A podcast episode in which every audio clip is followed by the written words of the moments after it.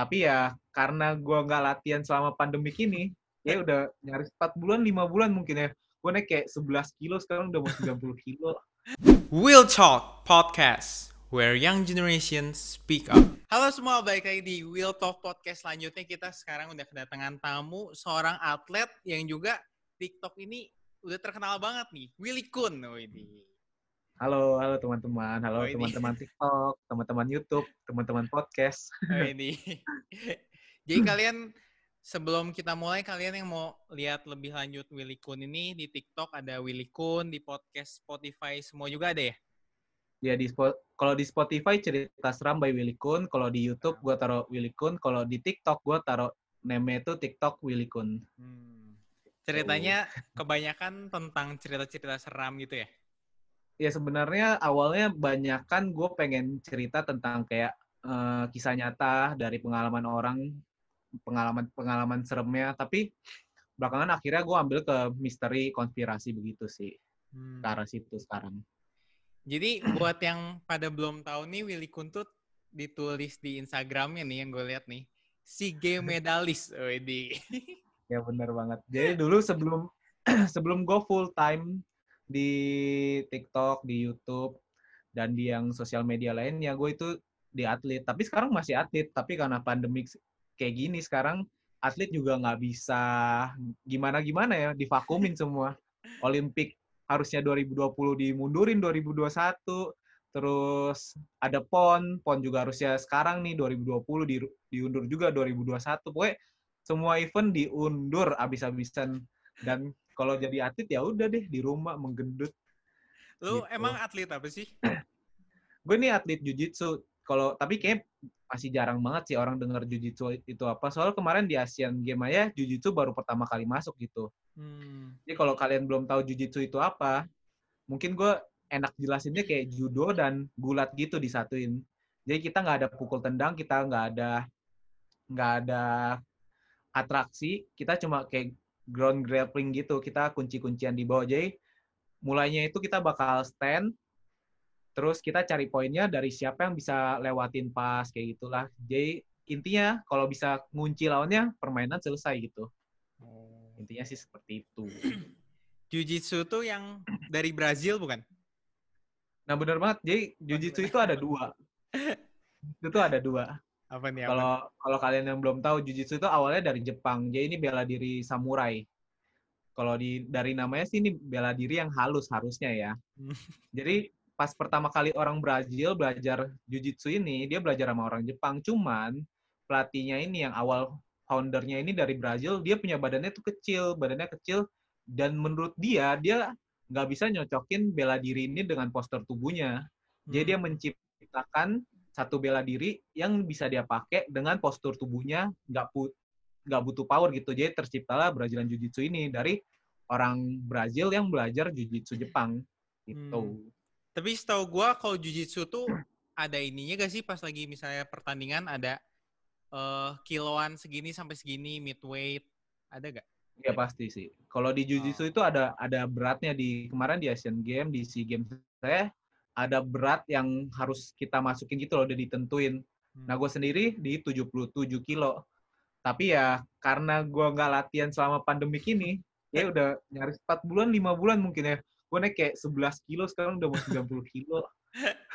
Gila Itu gila. kayak, itu pasti udah masalah atlet banget. Kayak lu udah sering latihan, dia lu makan ya biasa, nggak naik gitu. Malah mungkin turun gitu. Tapi pas sekarang lu di rumah aja, ya udah kelar deh tuh naik 11 kilo. Gimana nih ceritanya bisa jadi atlet tuh? Dari awalnya gimana gimana?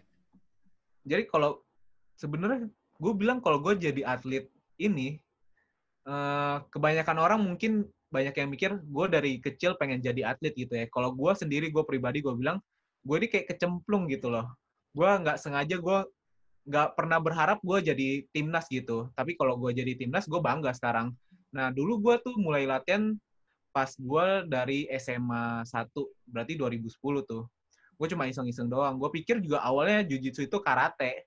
Jadi gue pikir ya bakal pukul tendang lah gitu kan. Hmm. Tapi pas gue mulai ikutin ya enak gitu. Gue suka dengan kunci-kunciannya, dengan tekniknya. Karena kalau kalian lebih dalemin tentang jujitsu ini, orang sering bilang nih kayak bela diri catur manusia gitu. Hmm. Karena beda sama bela diri lain.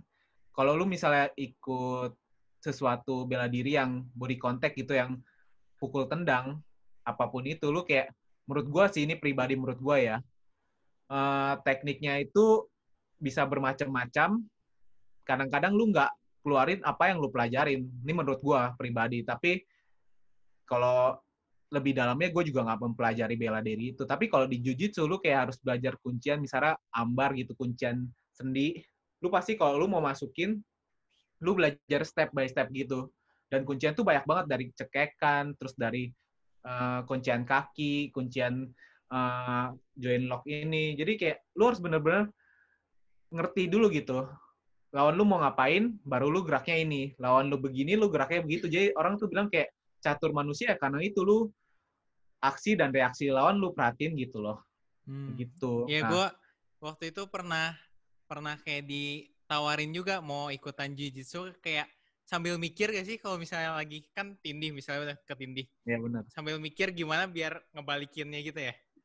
Iya benar kayak ini ini fake-nya doang sih faktanya ya. Faktanya dalam perkelahian khususnya di jalanan tuh gimana pun kayak misalnya mulai nih lu stand, lu pukul nih, satu orang pasti bakal jatuh.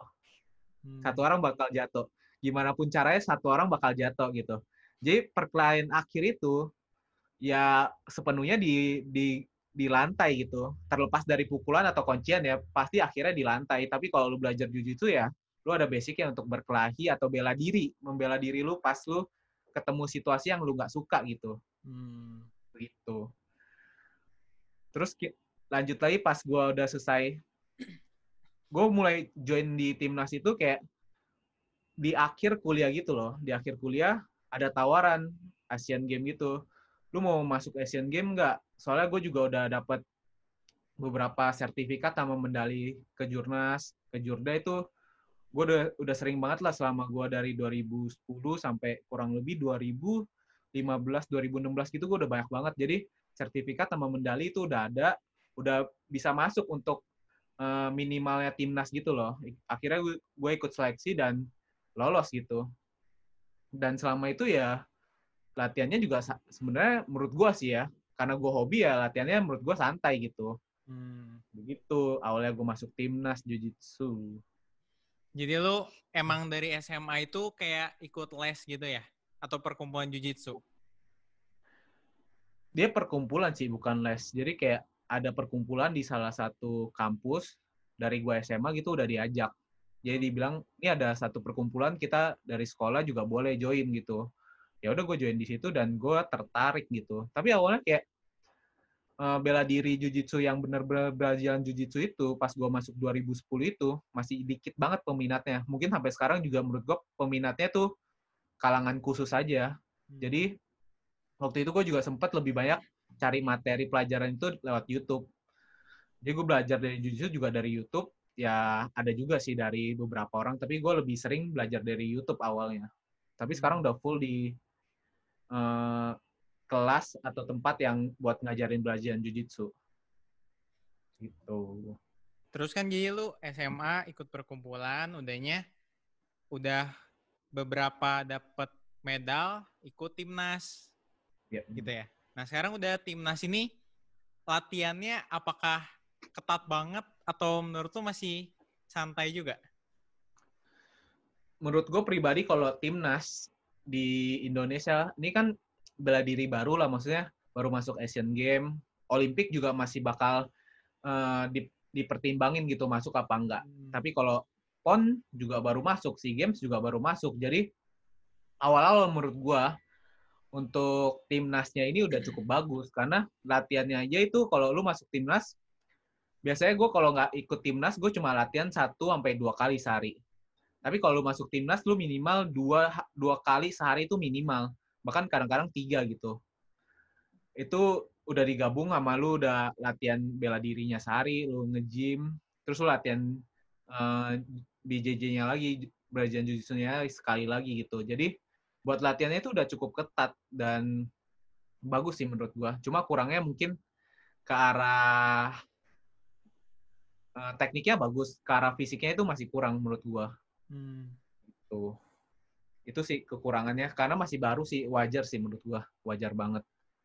Dan sponsorship untuk jujitsu sendiri masih nggak ada. Ini kan bukan kayak pertandingan kalau bola itu sponsorshipnya banyak banget lah. Gua gua tahu jadi Ya, orang orang tuh nggak butuh apa ya bingung tentang keuangannya soal sponsornya banyak peminatnya banyak gitu kalau jujitsu masih baru sponsor yang nggak ada cuma dana dari pemerintah ya menurutku udah bagus banget sekarang Berarti lu pas lagi ikut timnas ini bener-bener tiap hari digeder dari pagi sampai malam ketemu latihan lagi, latihan lagi.